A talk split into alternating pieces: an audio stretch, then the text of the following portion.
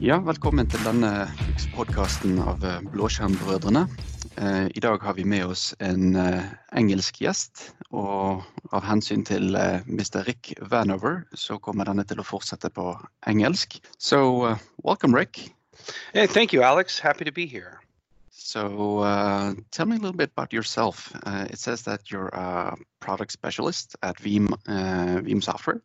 Yeah, yeah. So I've this is actually my tenth year at Veeam. I've been there quite a while, and uh, I'm on the product strategy team, which is uh, an interesting role. You know, we get to sit in between product marketing and product management. I mean, we're very public facing out in the events, um, industry events, Veeam events, and we talk to customers a lot. Take feedback back to the product teams. Um, I work for the CTO. It's, a really great, uh, it's a great role here at Veeam, and um, you know, I'm really happy to uh, to be on the podcast or other, you know, any time that I could get out in front of people and, and talk about Veeam stuff. So, um, yeah, I've been uh, doing this for a while, and uh, you know, when we get over to our topic today, it's kind of great to see a lot of uh, changes, right? You know, a lot of people heard about Veeam and you know the VMware space and then the Hyper-V space and you know the cloud space and the SaaS space, and so there's been these great changes over the years. Yeah, and and uh, Veeam's probably been most uh, known for its on-premise services. Uh, I think, if I'm not mistaken, it started out with a backup of virtualized hyper um, VMware uh, mm-hmm. services. Mm-hmm. Exactly. Um, and and you transited uh, and seem to be uh, done the cloud journey. so, how did you take the steps towards the cloud?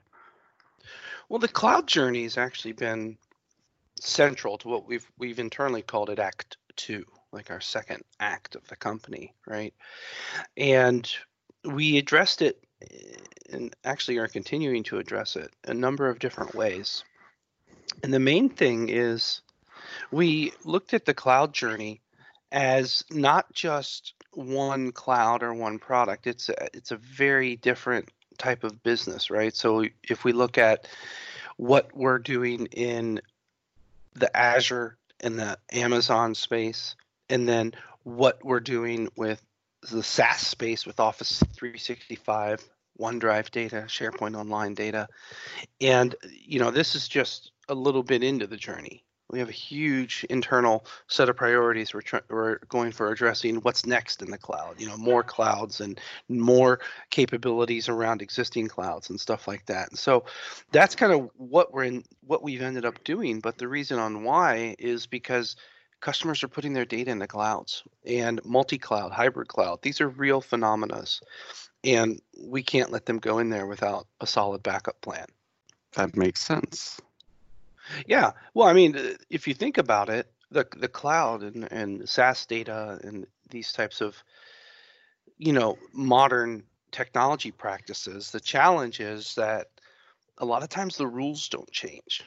And I'll give you an example with with email data, right? If I had an Exchange server on premises, and if I was a, you know, any type of company of any, you know, sizable uh, practice, I would probably back up that Exchange server.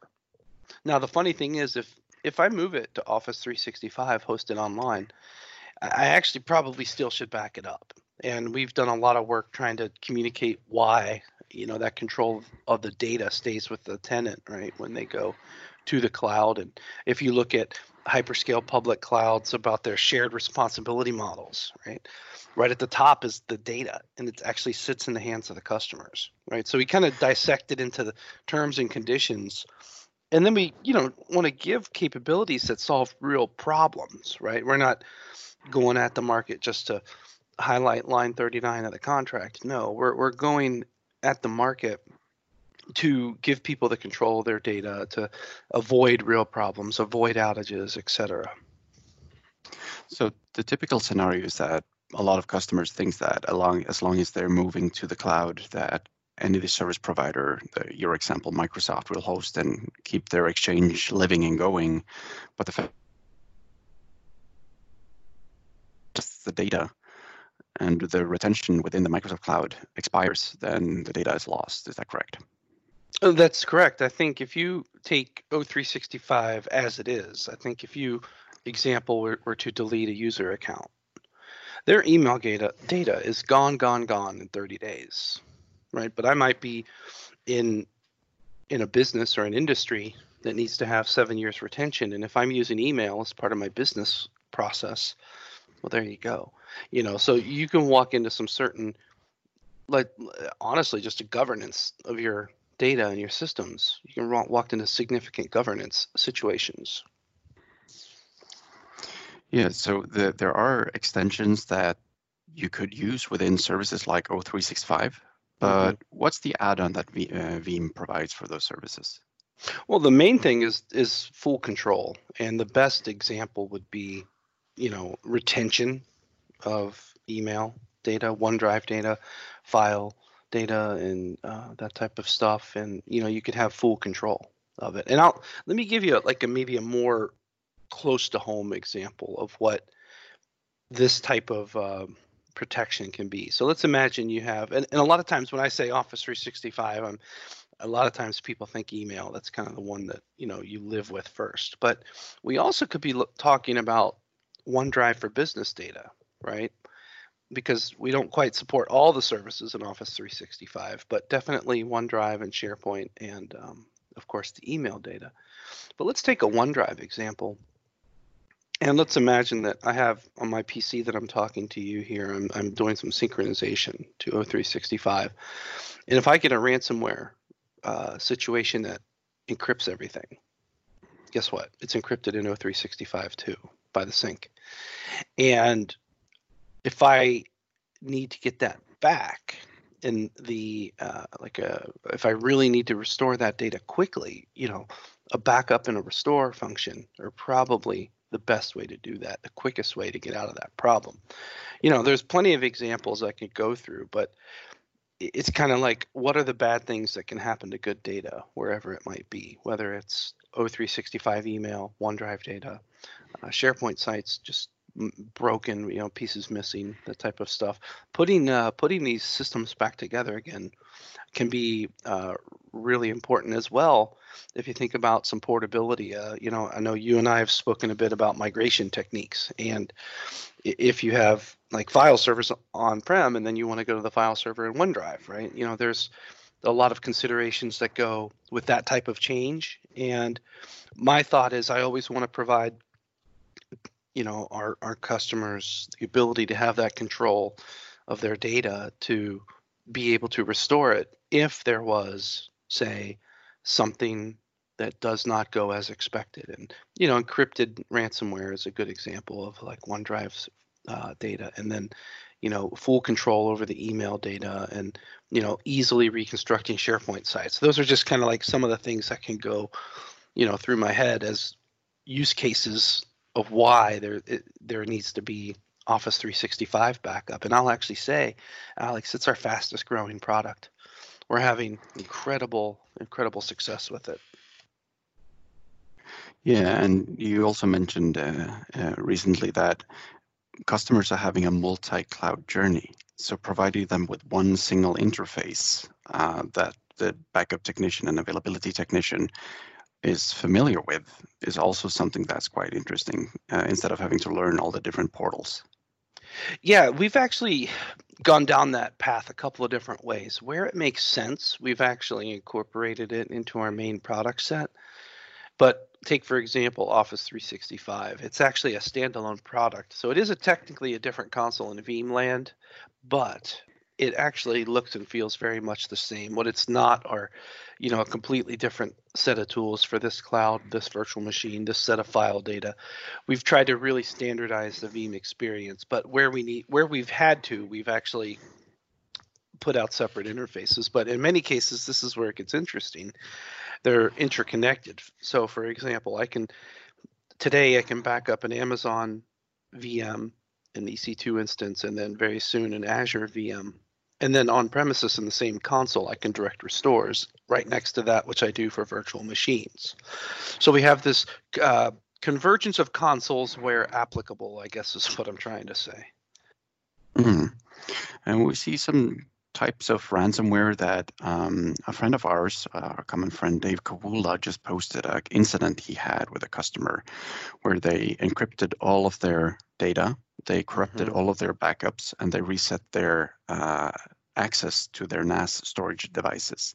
So, how do you address those kind of issues? The next level uh, malware. You know, that situation, you know, big shout out to Dave and Crystal Kawula. They're, um, they have gone through a situation. They, they've been a little bit private with some of the details for obvious reasons because it's a customer of theirs. But this was an organization that lost everything at face value. Monday morning, they started uh, uh, with a call. And um, I, I think, Alex, you've seen it, but there was um, on the monitor in the data center, there's just a decryption contact with an email address and then a code. And that's all that the the data center infrastructure would boot up and do. This was by many accounts, even I've been talking with some of the people that were working on the case on our support team, and this was by many accounts one of the most sophisticated attacks I've ever seen because of it, you know, reset NAS devices and um, it, targeted production workloads, it pro- targeted production applications, it targeted the backups. And these are real risks, but you know what? They won. The Kawulas were putting their backup data in the cloud into Azure and uh, they were able to have 100% data recovery. Now they had quite the work to get there. They had to re- basically rebuild the on-premises infrastructure, but um, I won't quote their story too much. But basically, within 24 hours, they had their accounting and payroll systems back online, and that's actually really interesting because everyone who's been through a DR event, those are actually some of the first systems you need are their, your finance systems because you run the risk of losing your employees if you're not paying them. You run the risk of losing your vendors if you're not paying them. And you run the risk of not being able to process money from customers if you're not able to transact, right? So, usually the first thing that needs to come back online is communication. And then from there, those financial services actually mysteriously become tier one applications. But the uh, the Kawulas have, have done an amazing job. And uh, I can't wait to hear the full story from them on it. Oh, that's going to be a that's going to be a full blog uh, and a podcast once that's going out. That's Yeah, I'm gonna try to- to listen one. I'm gonna try to get it to VeeamON actually as a story. It, it's just I was helping them out through the the week. I was not in the way, right? They they reached out to me for a few things, and um, I made sure our support escalated the the case, and because our support has a very specific check down on how to operate in ransomware situations, right? Because if the backup data is is toast, then you got a real problem. Um, but basically, yeah, I can't wait. I can't wait to hear it from them. So, uh, speaking of VeeamON, and you mentioned that you prefer to communicate and speak and engage to a lot of people. You do a lot of blogging. I've seen your name at a variety of different English publication sites where you've both been uh, creating your own content as well as being interviewed. So, where can we find you? Yeah, sure. So actually, I mean, my personal blog, I've actually taken a new journey. I'm trying to reinstate my MVP status. Uh, I do blog over at the Kawula site at checkyourlogs.net. That's my kind of public community blogging, uh, really focused on Azure storage and Azure security, those two areas specifically. And beyond that, I, I write on the Veeam blog, obviously, so veeam.com slash blog. And then I do a lot, uh, make a lot of noise, crack occasional, att- attempt to crack occasional jokes on Twitter at Rick Vanover. And then from there on out, you know, I have a couple of other little long tail sites of uh, guest, you know, posts that I've done over the years. I used to write a lot for Tech Republic or Tech Target, and then Virtualization Review magazine. But uh, right now, the the places that stay are the CheckYourLogs.net site and the Veeam site. That makes sense. And uh, what kind of conferences do we typically find you on?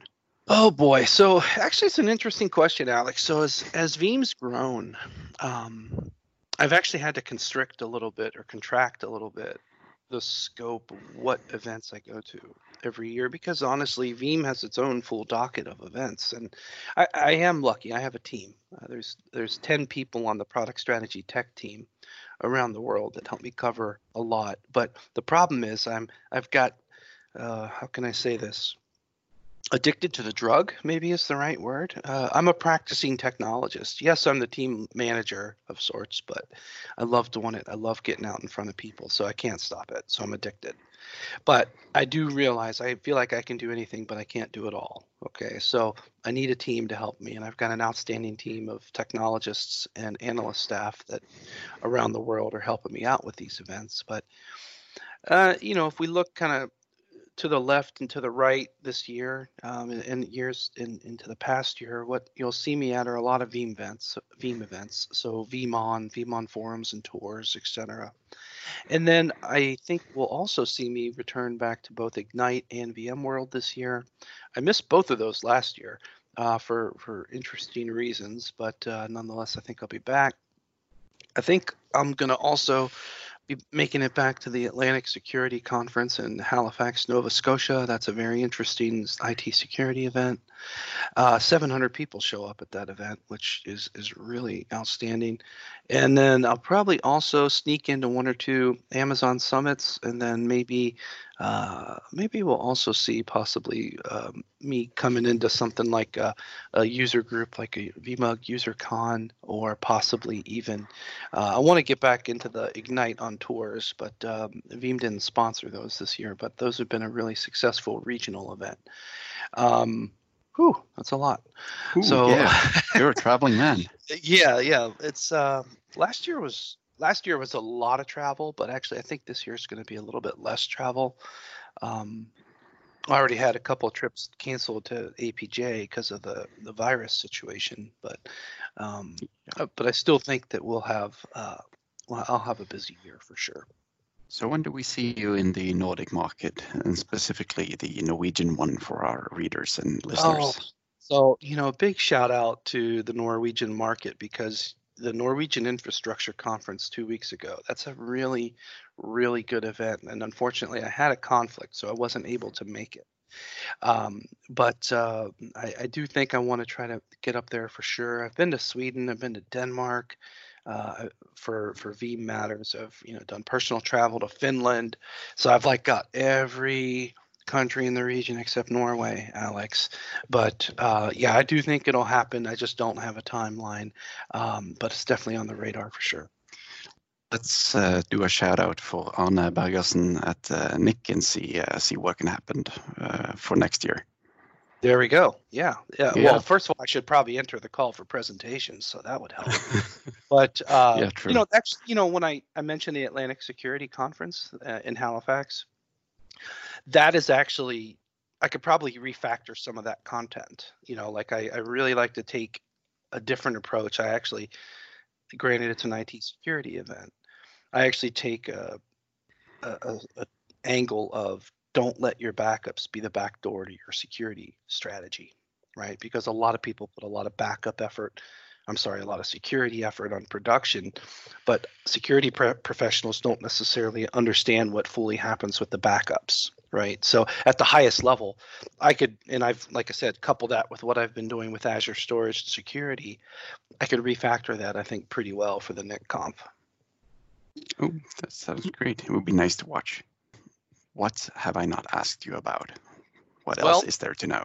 Well, the only thing to know is that um, all of Veeam is really heads down for VeeamON.